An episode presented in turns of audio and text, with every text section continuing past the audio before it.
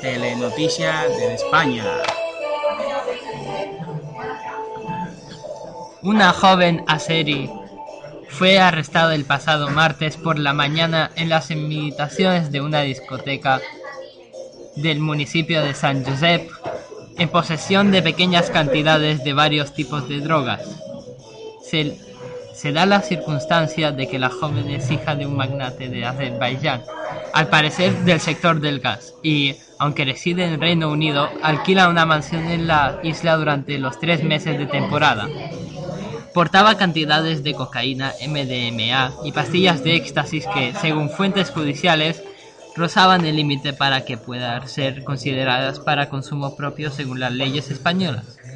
Tuvo que pagar una fianza de 3.000 euros para no ingresar en prisión provisional.